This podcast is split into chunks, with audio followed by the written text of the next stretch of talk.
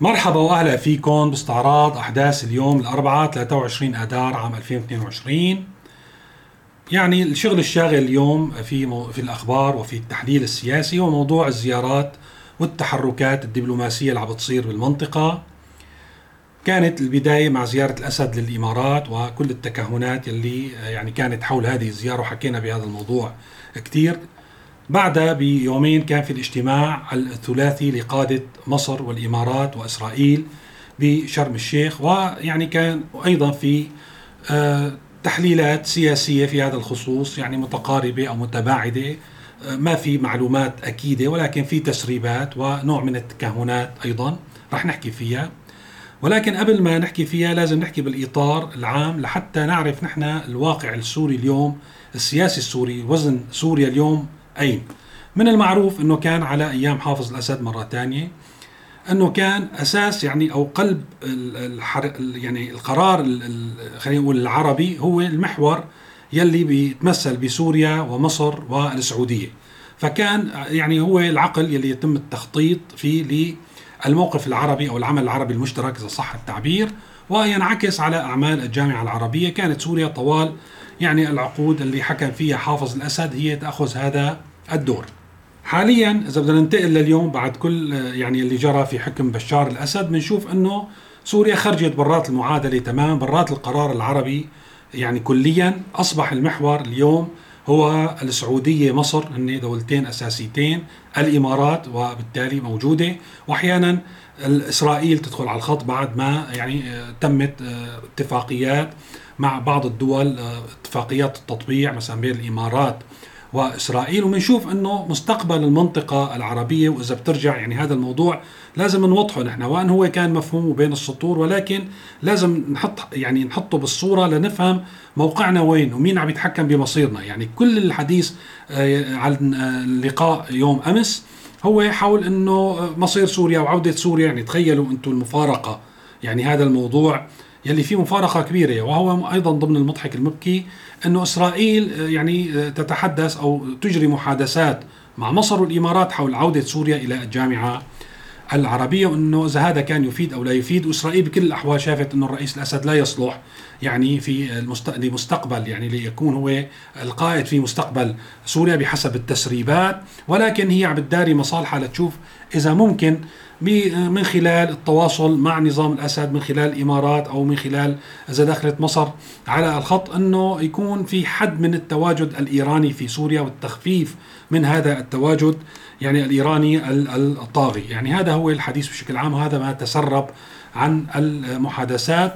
بالإضافة طبعا أكيد بيكون في مصالح آه، آه، يعني اقتصادية موضوع الغاز والنفط والأزمة ممكن آه، يعني تعاني منها المنطقة نتيجة الغزو الروسي لأوكرانيا. لا شك ولكن بما يخصنا تم تسريبات حتى من روسيا اليوم وسواها من يعني وسائل الإعلام المحسوبة على النظام بأنه هذا ما تم الحديث فيه. فإذا نحن اليوم مصيرنا إذا بنرجع أو ما بنرجع للجامعة العربية هو يعني في طرف بالقرار هو إسرائيل. يعني هذا هو الجديد الغريب في الموضوع. وإسرائيل إذا بدها توافق يعني آه، تتعطف علينا وتوافق لحتى نرجع للجامعة العربية لازم يكون عندنا القدرة لحتى نحد من التواجد الإيراني في سوريا. وهون السؤال هل نحن لدينا هذه القدرة؟ طبعا قبل ما يعني قبل ما نحد من التواجد الإيراني وعلى التوازي لازم يكون في خطوات إضافية باتجاه يعني آه، نظام الأسد لحتى يبدو أكثر شرعية وأكثر قبول في الإقليم وفي العالم. وهذا ما لا يبدو بعد زيارة الإمارات. يعني بعد زيارة الإمارات كانت ردود الفعل بالعكس. يعني وهذا يتضح إنه الإمارات قامت بهذه الخطوة بدون التخطيط مع الغرب. على الأقل في الظاهر وكانت هذه خطوة روسية مثل ما ذكرنا. لأن ردود الأفعال من الولايات المتحدة الأمريكية شفنا من ألمانيا.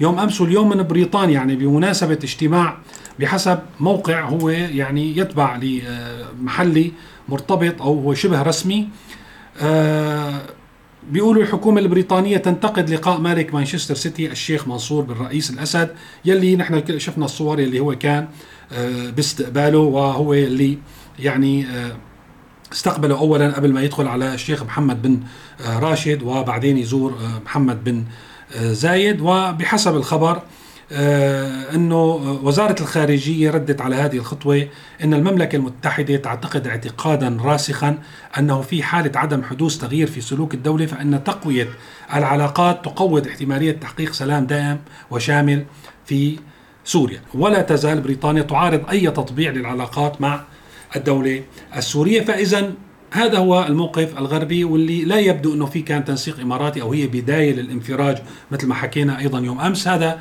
الموقف من الحكومة البريطانية على هامش لقاء الشيخ منصور مع الأسد يلي هو مالك مانشستر سيتي يعني من هالزاويه سمحت لحالها بريطانيا تحكي بهذا الموضوع. يبدو إنه الأمور ما في عليها ضوء اخضر من الخارج انه هي محاولات روسية إماراتية لا تفعل شيئا في مواجهة الموقف الغربي المتشدد من بوتين ومن الأسد بحد ذاته. هلا على صعيد الشرط يلي حاطيته إسرائيل أو المنفعة يلي ممكن آه، آه، تستحصل عليها إذا يعني عطت الضوء الأخضر لعودة آه، نظام الأسد إلى الجامعة العربية. هو موضوع علاقة سوريا مع إيران. وطبعا سوريا لا تملك يعني لا يمكن للأسد أن يعطي ما لا يملك. مثل ما حكينا امبارح كان في مثال طبعا كل يوم ممكن مر معلومات عن حجم السيطرة الإيرانية على القرار السوري. امبارح شفنا أنه كيف هي مسيطرة على الطرق الرئيسية في سوريا فيكم تشوفوها بتسجيل امبارح. واليوم فينا نحكي عن وهذا طبعا انكشف بوسائل الإعلام المحلية. إيران هي دائن لسوريا دائن للنظام السوري هي وروسيا. سواء من خلال مساعدته على البقاء في السلطة ومن خلال الصرف على الأعمال العسكرية وتواجد الميليشيات وهذا كله بيتسجل على الدفتر. وفي وزير النفط ويعني في سوريا بسام طعمي عم بيقول أنه 3 مليون برميل نفط خام شهريا يأتينا من إيران عبر الخط الائتماني الإيراني والخط الخاص. يعني طبعا 3 مليون برميل نفط شهريا هذا ما ببلاش هذا يعني هو عبارة عن دين للإيران هو عبارة عن دين لإيران بالإضافة لكل ما يعني تقدمه في القطاعات الأخرى من القطاع العسكري على النظام السوري. وبالتالي مرة ثانية بنرجع بنأكد على حقيقة أن إيران وروسيا اليوم في مناطق سيطرة النظام طبعا المناطق الخارجة عن سيطرة النظام تقع تحت وصاية الولايات المتحدة الأمريكية وتركيا. والمناطق يلي يسيطر عليها النظام هي كاملا بما فيها النظام السوري تحت الوصاية الإيرانية والروسية. ولحتى نأكد هذا الموضوع وهذا الموضوع ما بيجي عن طريق الصدفة المرة الماضية وهذا كمان ذكرته امبارح إنه وقت وقت زار وزير الخارجية الإماراتي عبد الله بن زايد دمشق كمان يعني بعد بأيام شهدنا زيارة لوزير الخارجية الإيراني ونشاط إيراني حكيتها أكثر مرة آه، آه، ملحوظ ومكثف. بعد هذه الزيارة وأيضا اليوم زيارة وزير الخارجية إلى دلالات وهي ل يعني إظهار التواجد الإيراني ولإرسال رسالة للإمارات وغيرها بأنه إيران موجودة بقوة في سوريا ويجب التفاهم معها أولا في حال أريد لسوريا أن تخطو أي خطوات باتجاه الدول العربية. يعني هذا الموضوع صار واضح لحتى ما نطول الحكي فيه. هلا في موضوع الوصاية والنظام. مع الأسف في حال توصل النظام أو حصل على يعني الموافقة أو الإذن من روسيا أو إيران لتقديم أي تنازلات لإسرائيل أو للإمارات يعني أو إسرائيل من خلال الإمارات أو للانخراط في نشاطات اقتصادية مثل خط الغاز العربي ويكون أنه هو جزء منها.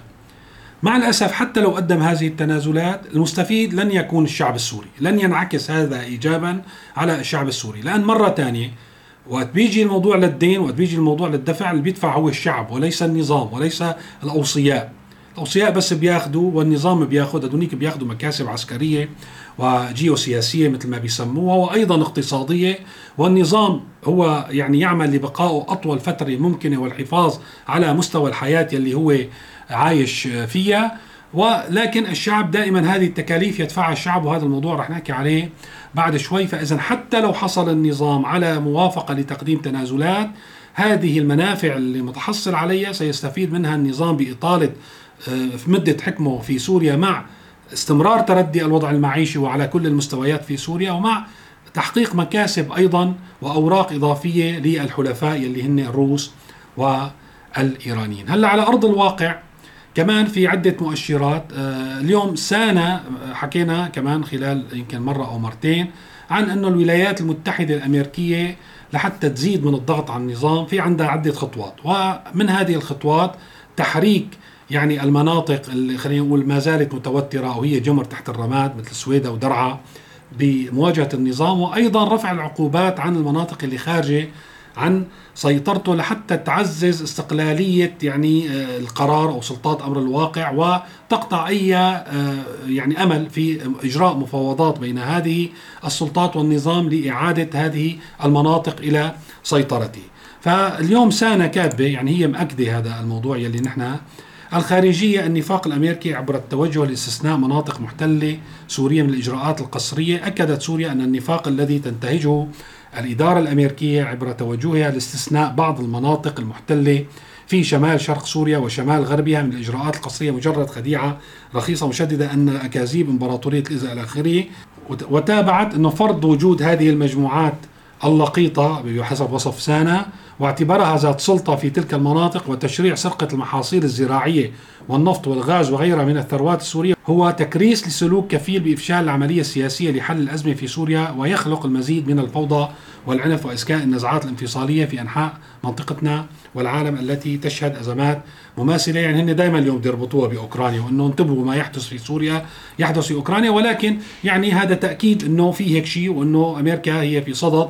هلأ مرة ثانية يعني ما بعرف إذا أمريكا عمليا فعلا تقوم بهذه الخطوة. يعني هي رح تكون خطوة تصعيدية ولكن بتضل خطوة تصعيدية وخطوة كبيرة يعني في مواجهة آه، نظام الأسد ولكن أيضا على حسابنا مو مصلحتنا. يعني هذا الموضوع عم نحكي فيه وممكن إنه نتخذ بهذه الخطوة في حال تطورت الأمور آه، في يعني اليوم الحرب آه، بالوكالة بين روسيا والغرب. ممكن هذا الموضوع يصير. أيضا بنشوف إنه في بعض المواقع المحلية كمان ذهبت إلى ما ذهبنا إليه بإنه هناك خطة أمريكية لإحياء الدعم والتعاون مع قوى المعارضة المسلحة في جنوب سوريا بهدف إثارة المتاعب لروسيا المتحكمة بملف المنطقة بشكل كامل وملف المصالحات وتقريب يعني المصالحات مستلمته روسيا وهي التي تقوم بهذا يعني قامت بجهد كبير وبذلت آه، تكاليف وجهود كبيرة لحتى ترجع تضم أجزاء على آه، مبدأ المصالحات عادة يلي ما نجحت تماما اللي خلت هذه المناطق يعني في في توتر ولا توجد سيطرة للنظام كاملة عليها. والدليل مثلا حكينا على السويدة من يومين درعا في ذكرى يعني آه، قيام الثورة السورية. صار في احتجاجات حتى في درعا بالمدينة نفسها وفي لافتات مناهضة للنظام وهذا لا يمكن أن يكون في مناطق يسيطر عليها النظام تماما. إذا هذا مرة أخرى هو نتيجة الصراع بالوكالة أو على أرض سوريا بين آه، روسيا والولايات المتحدة الأمريكية. وأنا برأيي هذا أول هذا الصراع. يلي بكل الأحوال بما كان منتصر من الطرفين ما راح يكون بمصلحة الشعب السوري راح يكون على حساب ومعاناة الشعب السوري. هلأ فيما يخص الوضع المعيشي آه، للسوريين في داخل مناطق النظام وخارجه ولكن آه، هو في تأزم ويعني بالإضافة للنقص الحاصل في كل شيء الكهرباء وحتى الماء ومعظم الخدمات حتى المواصلات إلى آخره ارتفاع الأسعار هو الطابع المستمر منذ أشهر منذ ما قبل ما حدث بين روسيا وأوكرانيا أو الغزو الروسي لأوكرانيا. يعني وهذا الارتفاع مستمر يوم بعد يوم. يعني حتى اليوم ونحن عم نحكي ما بنلاقي نفس الأسعار تبع اليوم. بكرة بكرة راح نشوفها مرتفعة آه، بشكل إضافي وهكذا. سلسلة غير منتهية مع ثبات يعني دخل المواطن على آه، يعني مبلغ محدد.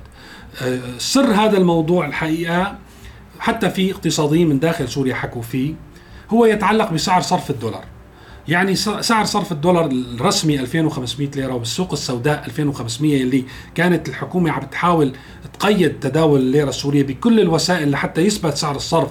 سعر الصرف هذا ما حقيقي. مشكلة إنه التاجر وقت عم بيسعر المواد عم بيسعرها على سعر الصرف الحقيقي. يعني ما هي قيمة الليرة السورية حقيقة في السوق وهي من 5000 ليرة سورية وطالع. يعني هذا الموضوع معناته إنه آه، المواطن السوري عم يقبض على السعر الرسمي وينفق على السعر الحقيقي. بما معناه إنه نحن اليوم آه، إذا اعتمدنا سعر الصرف الرسمي اللي هو 2500 ليرة سورية. والسوري عم يقبض 100 ألف ليرة سورية العامل السوري أو الموظف السوري. يعني يكون ما تعطيها الدولة وفق هذه المعادلة للمواطن السوري هو 40 دولار. ولكن حقيقة إذا بدنا نأخذ على سعر الصرف الرسمي ما تشتريه هذه ال ألف اللي هي مفروض تكون 40 ألف بالسعر الرسمي هال ألف حقيقة هي 20 دولار. فإذا هو عم يعطي بدل قيمة العمل بسميها أو اسميا بيعطي 40 دولار ولكن فعليا هي 20 دولار. وهكذا وهذا ينسحب على كثير من النفقات. فيما تسعير المواد اللي يقوم بها التاجر ومنهم يعني التاجر أيضا ينطبق هذا على مؤسسة التجارة التابعة.